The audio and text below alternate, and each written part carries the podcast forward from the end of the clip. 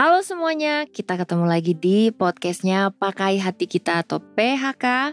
Sekarang eh, kita lagi kedatangan tamu nih, eh, perempuan cantik, pemenang Putri Indonesia dan top 15 Miss Universe ya, Yes. Elvira Devina Mira.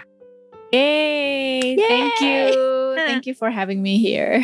Kita yang justru happy banget eh, ngobrol-ngobrol nih, ini kan sejak eh, Corona, eh, aktivitasnya apa aja sih?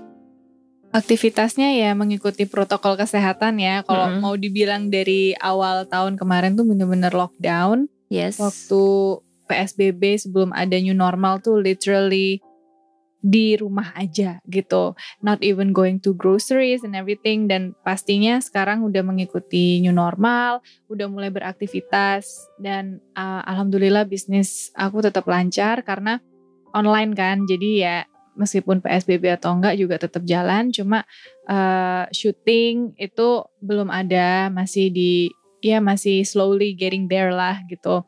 Dan aktivitasnya sekarang ya selain um, bisnis itu juga ada kayak aku bikin sekolah online di Surabaya udah mulai bisa terbang kan even just domestic gitu. Hmm, nice. dan uh, mulai upcoming sebenarnya masih rahasia sih gitu tapi ya udahlah gitu.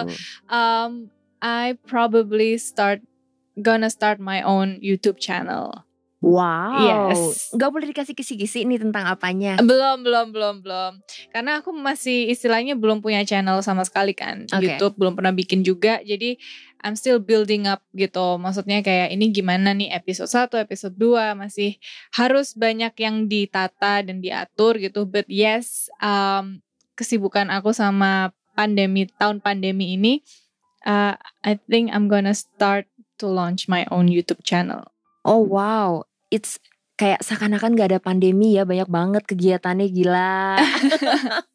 But still still uh, di rumah aja kalau misalnya nggak ada kebutuhan untuk harus keluar banget gitu ya nggak keluar rumah sih gitu karena masih belum ada vaksin juga kan gitu Tapi berasa ap- kontras banget gak sih? Karena kan eh, sebelumnya itu kan eh, lo syuting. Terus juga pasti ada kegiatan-kegiatan eh, dari eh, Putri Indonesia dan segala macamnya. Kontras banget gak dengan eh, sekarang?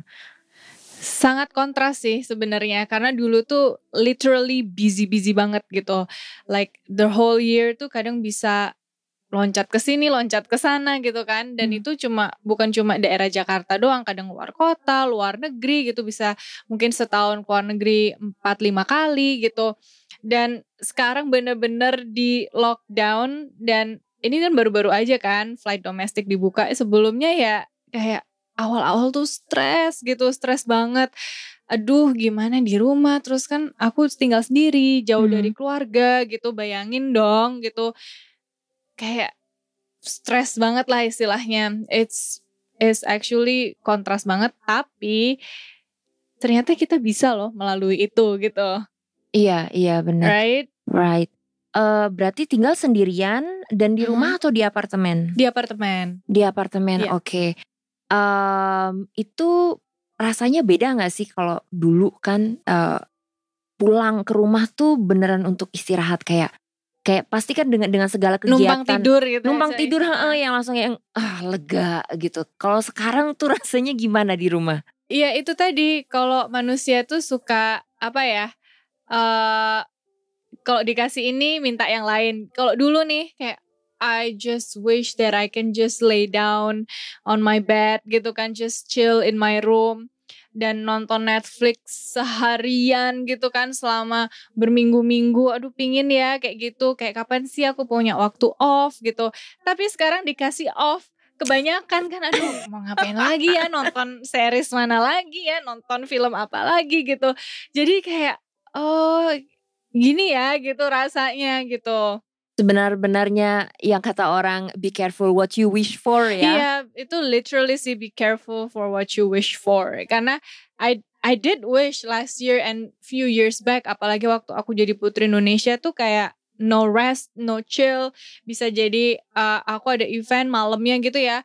Paginya udah harus cepet-cepetan tidur buat next flight, first flight gitu ke acara luar kota gitu. So actually ya yeah, itu sibuk banget gitu. Dan and then I just wish at that time kalau misalnya gimana ya just chill aja work from home gitu kan. And now I have like online business gitu. And uh, pandemi kayak gini so yeah there's nothing I can do outside and I have to stay home kan. Mhm. and then pas dikasih kayak gitu oh wow begini ya rasanya kayak oh nggak seenak yang dibayangkan gitu kan Iya iya. Berasa lonely nggak? in terms of Dalam artian gini, eh, kan eh, sejak pandemi ini nih Mhm. banyak orang yang mengalami eh, stres pastinya. yeah me one of them Oke.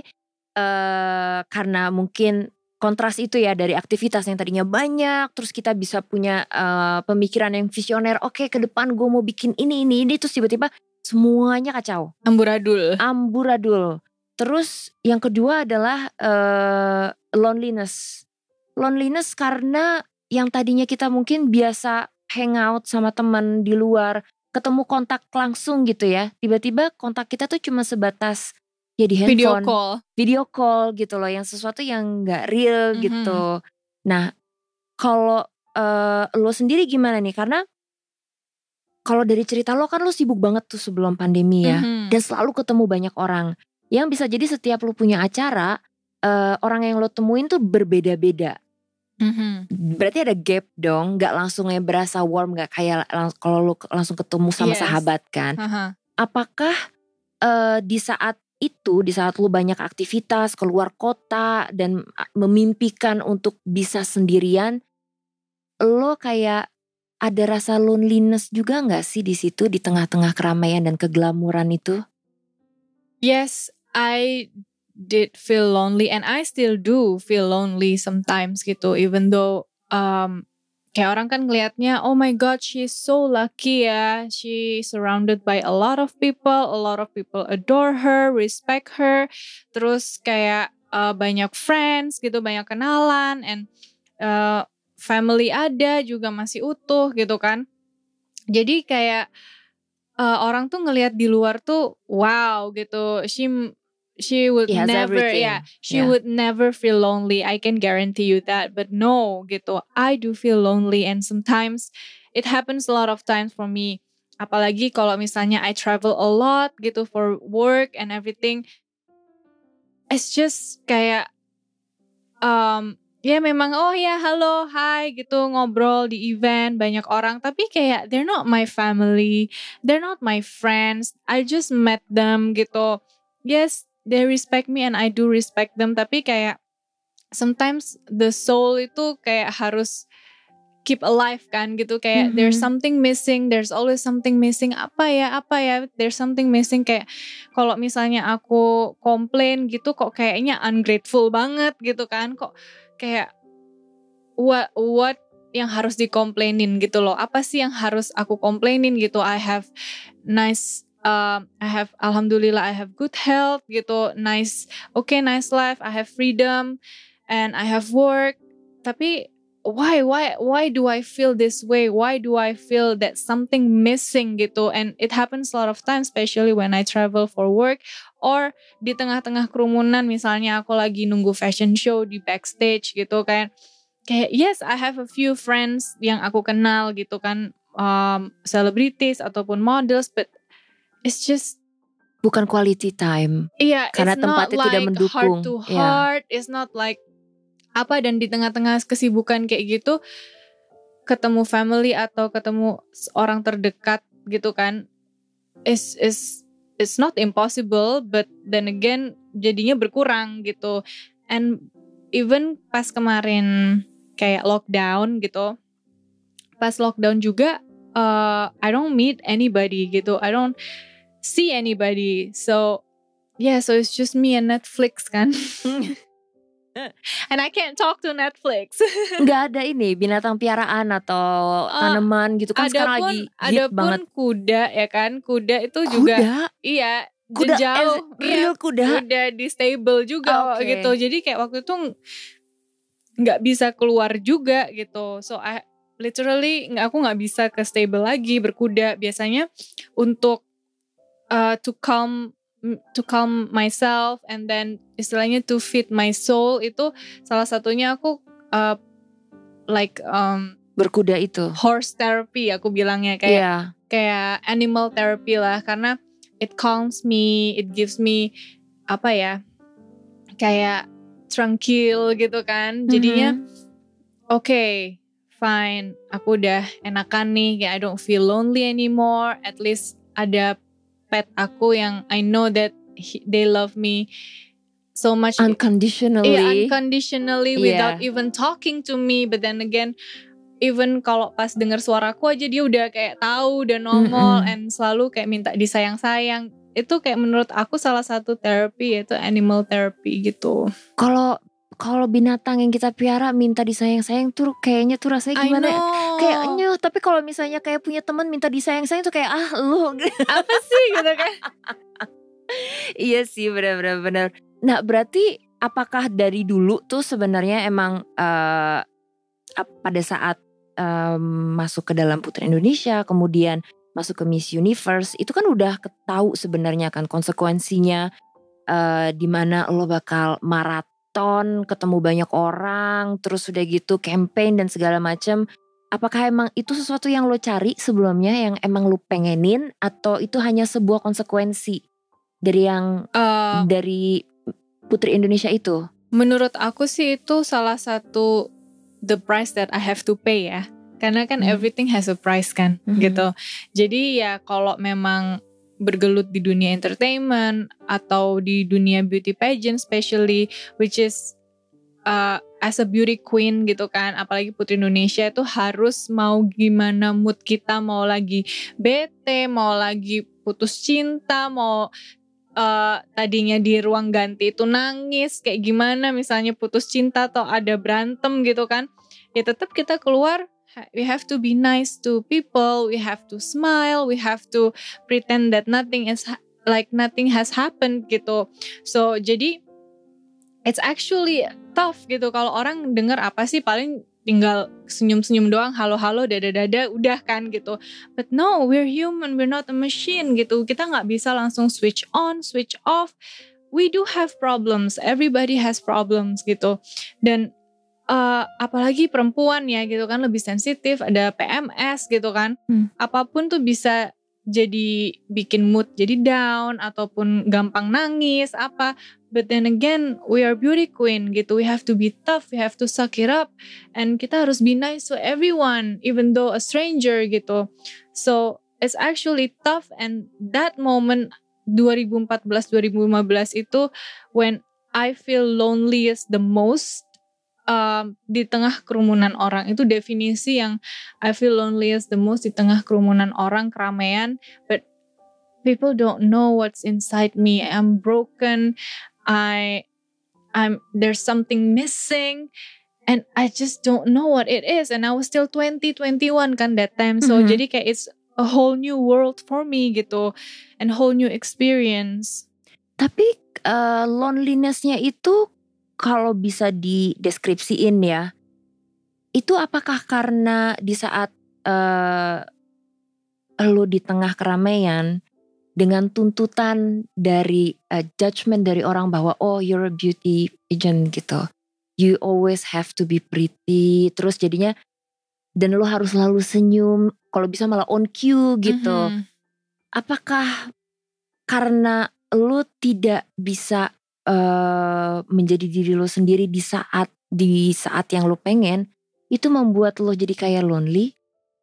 Um we have standard sih yang harus kayak as a beauty queen tuh gimana gitu kan. Dan itu yes uh, it's part of kayak ya apa ya it's part of the show gitu istilahnya ya it's part of my life juga.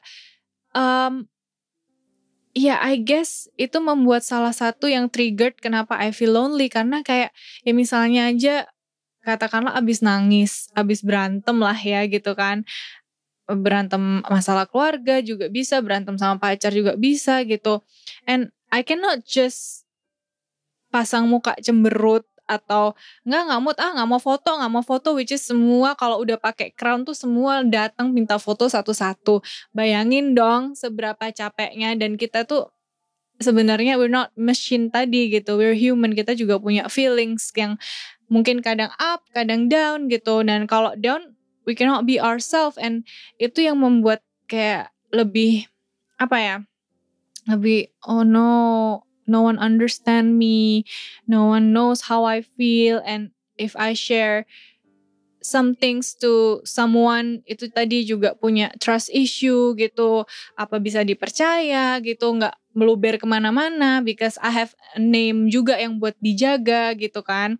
I have title juga buat dijaga so those loneliness itu actually banyak orang yang tahu aku aku kenal juga banyak orang tapi kayak I just feel lonely and having just trust issue gitu. I only have friends sampai sekarang pun I only have best best friend tuh kayak bisa kehitung jari gitu. Mhm. Kehitung jari dan itu udah kayak edisi lama dari aku high school, dari aku kuliah gitu.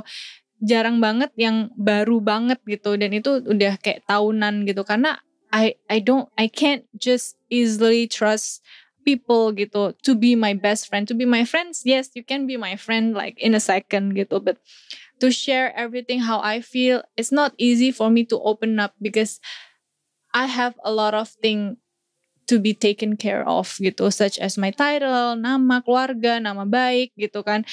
And if that person could hurt me it will hurt everybody like it will hurt every aspect of my life and that's why sometimes kayak I feel lonely. I don't I I can't just trust so many people that's all.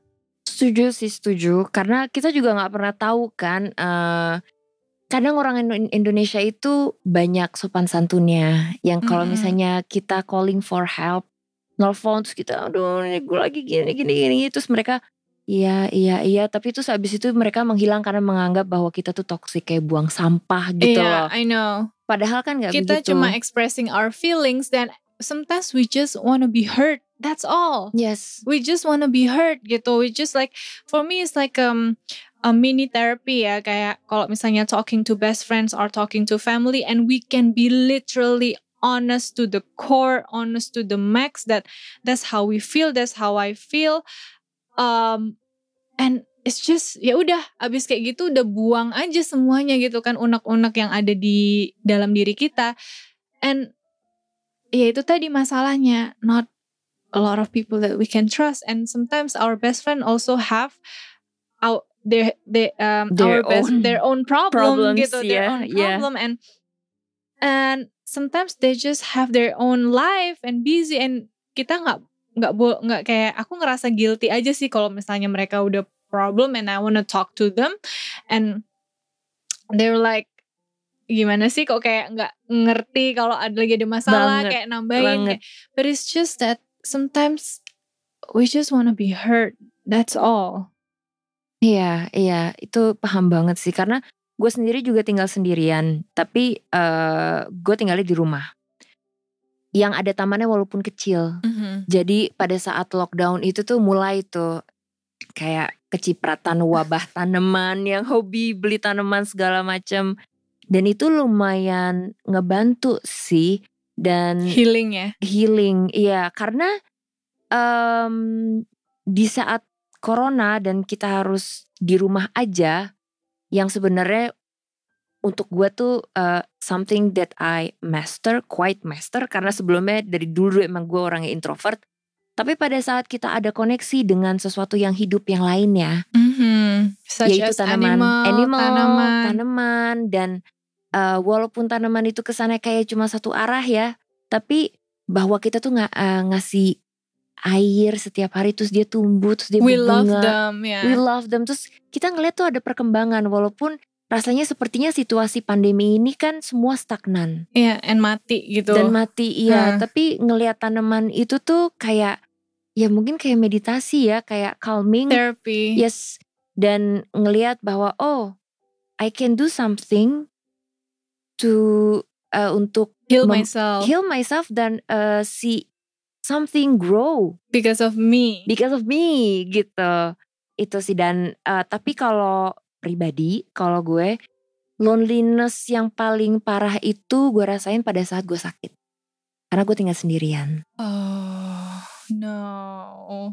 And situasi pandemi gitu kan. so no one helping me. iya kayak kalau misalnya kita lagi nggak usah pandemi ya kalau gue nggak tahu kalau lo kayak gimana tapi karena gue tinggal sendirian saat gue misalnya batuk pilek aja yang pakai meriang gitu yang pakai Gak ada yang gitu ngambilin air. nggak ada terus kayak Harus beli obat sendiri. Iya, untung sekarang banyak kan aplikasi yang kayak gitu kan. Cuman kayak "Eh, I miss my mom. terus kayak aduh, kayaknya enak ya kalau misalnya lagi kayak gini terus ada yang ngurusin gitu. Tapi karena kita udah terbiasa untuk tinggal sendirian, kayak takut untuk eh, minta tolong orang. Karena pada saat kita sakit kan itu kondisi kita yang paling lemah. Dan pada saat kita kondisi paling lemah terus meminta tolong tuh kayak ada rasa no, enggak, gue bisa, gue harus bisa karena gue udah biasa sendiri gitu loh.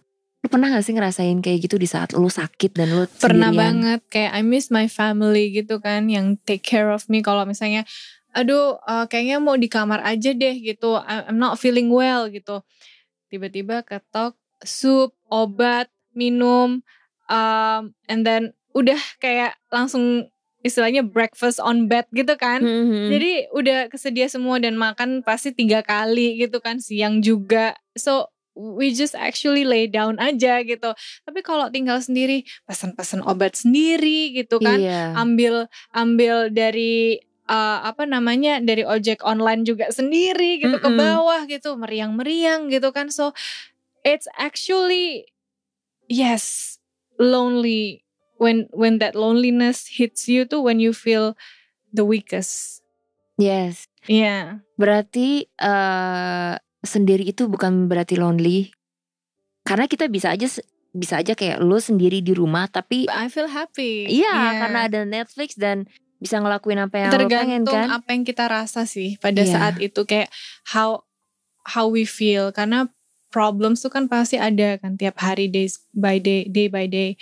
Um, dan kalau misalnya pas nggak ada problem, I'm fine being alone gitu. I'm fine being alone. Tapi pas kayak sakit, pas I'm feeling sad, I'm feeling down, nah itu hit the most.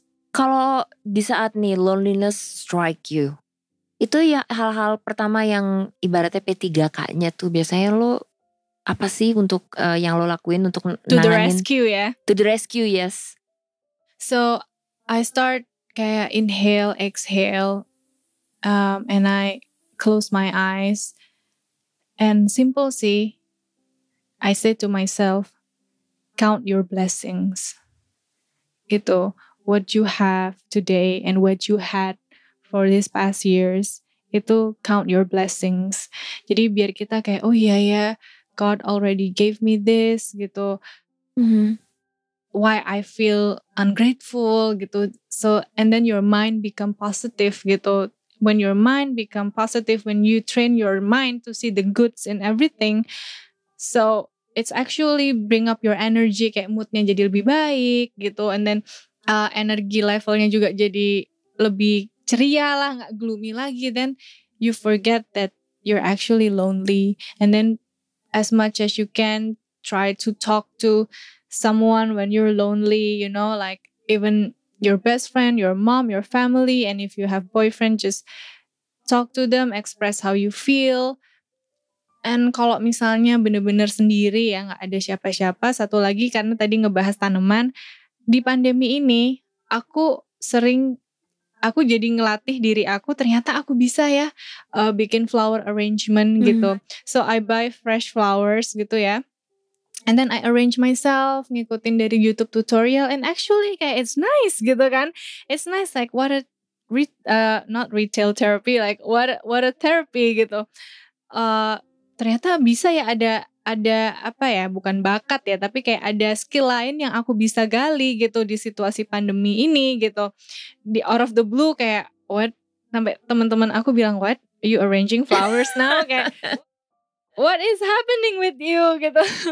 But then again like as long as kita mau cari the way out like how to get out get out from this loneliness.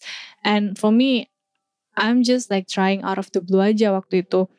That maybe arranging flowers seru kali ya gitu.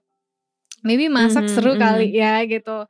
Which is dulu yes I I can cook if I have to but then again it's not like yang yang gimana gimana gitu kan masaknya. Dan ternyata I can cook gitu. I can uh, I make a lot of new smoothies recipe Oh wow. gitu and then um, I can arranging like a bouquet flowers atau flowers yang di vase dan itu bener-bener kayak wow ternyata selama kita mau itu kita bisa kok gitu cari way out and then count your count your blessings and train your mind to see the good in everything. Wow.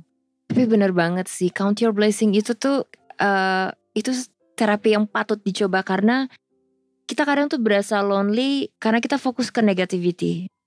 Kita fokus ke negativity and what we don't have, which is human human nature itu always want that we don't have, but we tend to forget what we have, bener. Mhm. ya kan? Jadi ya obviously kita kalau mau dibilang something missing, something missing pasti because if you don't have one billion dollar, you want one billion dollar.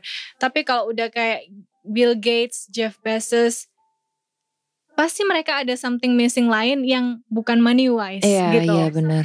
There's something missing, tapi it's not money wise. Maybe family matters, maybe um, whatever it is yang mereka nggak bisa beli pakai uang gitu. So yeah, for me it's actually because people have a lot of blessing in different ways gitu kan. Bener banget. So we need we still need to count our blessing no matter how small it is. Itu bener banget dan karena kita sering lupa, kita sering ya apalagi kalau kita ngelihat berita terus beritanya isinya negatif semua kan. Jarang Iya. banget berita positif yang kita terus jadi nggak bisa memprediksi masa depan kita. Kita kayak kejebak di kondisi sekarang, terus kita kehilangan pekerjaan, terus kita kehilangan peluang eh, sebuah pekerjaan dan di situ mungkin eh, cikal bakal dari rasa loneliness karena kita merasa bahwa semua itu adalah beban yang kita tanggung sendiri. Yes. Padahal- and it's okay not to be Yes. okay. Just to accept that it's okay. Jangan aku aw- awalnya dulu tipe orang yang selalu kayak oke I'm okay, I'm okay, I'm okay, it's okay, I'm okay, I'm okay, I can suck it up gitu. But then again, man, I'm not okay. Girl, you're not okay. It's okay. Just embrace it, accept it gitu kan. Kayak terima itu semua if you're just human being. Who Benar. are you? You're not God. You're not someone yang yang kayak super kayak Superman, Wonder Woman, or like punya superpower yang can handle everything by themselves. Like you need help. You need actually to share your feelings gitu. You need actually to share your feelings or um, misalnya luapkan itu ke sebuah skill atau ke sebuah hobi atau mungkin tadi pet therapy gitu. So sometimes we cannot just suck it up to ourselves itu aja. Iya sih benar dan kalau misalnya kita merasa baik-baik saja constantly kita bukan Yeah, we're manusia not sih. human. We're not human dan the good side of feeling lonely setiap kita ngerasa down itu pasti next episode-nya adalah up. Yes. Jadi nggak ada nggak ada sesuatu always yang rainbow. yes nggak ada yang Mhm. permanen. Jadi eh, bener banget yang lo bilang kita harus count our blessing. Terus kita harus eh, curious untuk New ngediscover skill that we have. new skill ya kayak contohnya sejak pandemi gue tuh dari eh, kecil walaupun gue penulis ya tapi sebenarnya di sekolah tuh bahasa Indonesia gue merah Oh ya? karena I have trouble reading ya jadi kalau baca itu tuh kayak selalu kebolak-balik a bit Oh. jadi ada beberapa symptoms dyslexic yang ada di gue tapi gue nggak berani untuk mm, nge self diagnose Tapi dari dulu sulit sekali untuk baca buku dan mengelarkan buku. Sampai pada saat pandemi, uh, gue menemukan apa yang namanya uh, audiobook. Ah, Oke.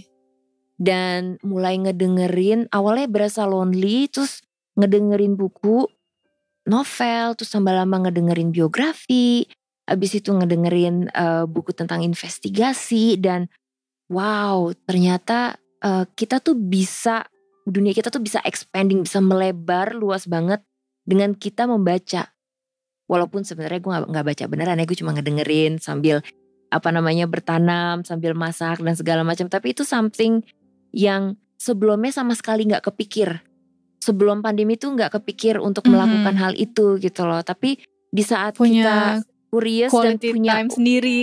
Iya, quality time sendiri dan kepengen ada ada struggle-nya gitu loh, ada jiwa untuk enggak, ini gue Iya, pasti bisa uh-uh. gitu loh. Itu kita pasti bisa menemukan jalan keluar dan nemuin ya talenta-talenta baru seperti merangkai Iya. bunga. Siapakah yang akan dikelilingi rangkaian bunga oleh Elvira? Hmm, Siapa itu? nanti akan mungkin akan ada di YouTube Oh, channelnya mungkin. nanti ya. nah untuk yang jomblo nih, em, banyak temen-temen gue pribadi yang bilang, aduh gila gue dalam keadaan gak pandemi aja gue susah cari cowok apalagi sekarang gitu. Tapi di saat yang bersamaan yang udah punya hubungan, yang udah punya pasangan, karena pandemi malah jadi berantem Iya keseringan ketemu. keseringan ketemu gitu. Nah kalau misalnya dari lo sendiri nih punya tips nggak sih eh Buat apa jomblo. namanya buat jomblo yang tadinya udah ngerasa lonely dengan pandemi ini jadi makin berasa lonely dan nggak punya Menurut peluang. aku buat yang jomblo itu lebih freedom ya. Menurut aku karena eh, kadang kalau yang in relationship pandemi ini ketemu terus gitu kan terlockdown bareng tidak seindah yang dibayangkan gitu. Tidak seindah yang dibayangkan karena apa? Karena we living two different bodies gitu kan, two different souls and every day yang biasanya kalau oh kerja oke sana sini sana sini ketemunya pas lagi happy atau pas lagi luang waktunya gitu. But then again with a lot of pressure nggak bisa ke mana-mana kan kalau misalnya pacaran tuh kan juga enak enak kalau misalnya kok di rumah terus kan bosen ya dan berbulan-bulan lagi gitu.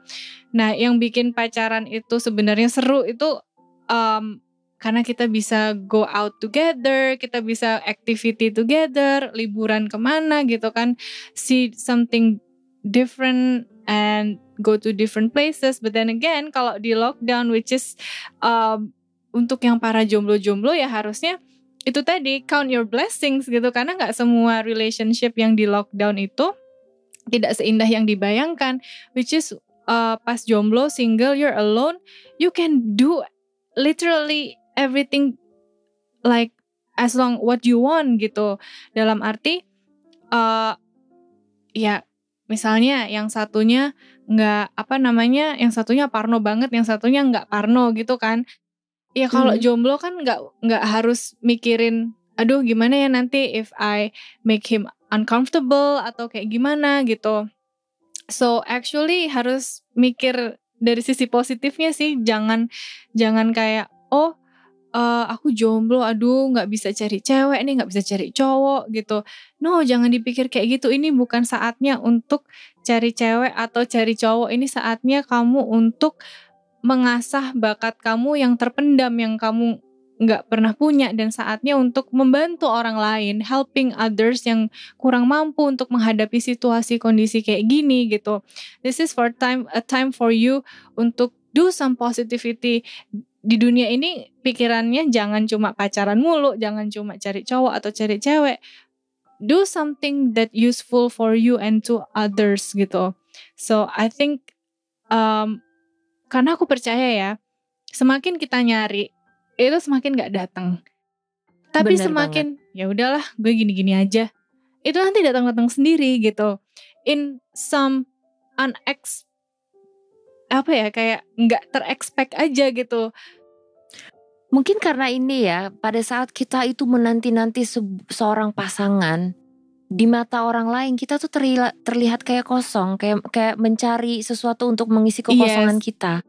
Tapi pada saat kita itu utuh Jadi diri sendiri dan itu jadi menarik, buat bagi orang, orang lain kayak oh she's special ya. She has something Yeah. in her gitu yang nggak orang lain punya. And then when you're literally looking for someone, gue harus cari cowok atau cewek sekarang.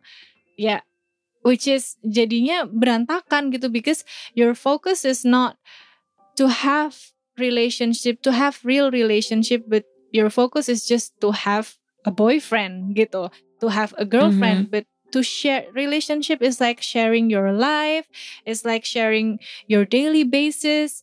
Uh, and then they have to accept you good and bad. That's relationship. But if you just want a boyfriend, and help and help grow, you grow. Dan kalau misalnya cuma cari modal cari cewek cowok doang, ya I I think for me it's not relationship because it doesn't help you at all. It's just a status. Berarti sebenarnya sebuah blessing ya buat orang-orang jomblo eh, di masa Iya. pandemi ini. Karena satu eh, acara kawinan kan nggak ada ya, jadi nggak ada tante-tante Ah, yang ah, nanyain nanyain. kapan nikah. Terus nggak mudik juga kan waktu nggak itu. mudik, Ha-ha. jadi nggak dituntut kayak kamu sama pacar kamu gimana? Ini udah dua tahun loh. Nah, itu berarti tuh manfaatin waktu-waktu pandemi di mana nggak ada eh, acara kondangan Blessing in disguise. blessing in disguise dan uh, masa pandemi bisa dipakai untuk mengenal diri sendiri lebih dalam, lagi. kalau nggak ada pandemi ini mungkin kita juga maybe you enggak. don't grow plans. Ya, karena kalau kalau nggak ada pandemi ini kita ada kemungkinan gampang jatuh cinta sama orang karena ya kita hanya sekedar mencari Modal pacar. ketemu ya. Iya gitu loh. Yang sebenarnya gimana kita bisa tahu uh, pasangan seperti apa yang kita mau kalau kita tidak mengenal diri sendiri ya kan? Mhm. Dan masa pandemi ini eh, waktu yang cocok banget untuk kita mengenal diri sendiri dengan ya seperti kata Elvira bilang, count your blessing, eh, discover yourself, discover your talent. Train your mind to see the goods in everything. Exactly. Terima kasih banyak loh Thank you. Elvira udah Thank you for having me berbagi. here. Semoga nanti YouTube channelnya eh, ini ya apa Lancar. namanya lancar Dan, dan, segera kita launching. bisa tahu nanti karangan bunganya dikasih ke siapa. Oke. thank Jangan kapok ya nanti ngobrol-ngobrol, sharing-sharing di pakai hati kita ini ya. Of course. Thank you. Thank you for having me. Pamit dulu ya teman-teman, jangan lupa pakai hati kita. Bye.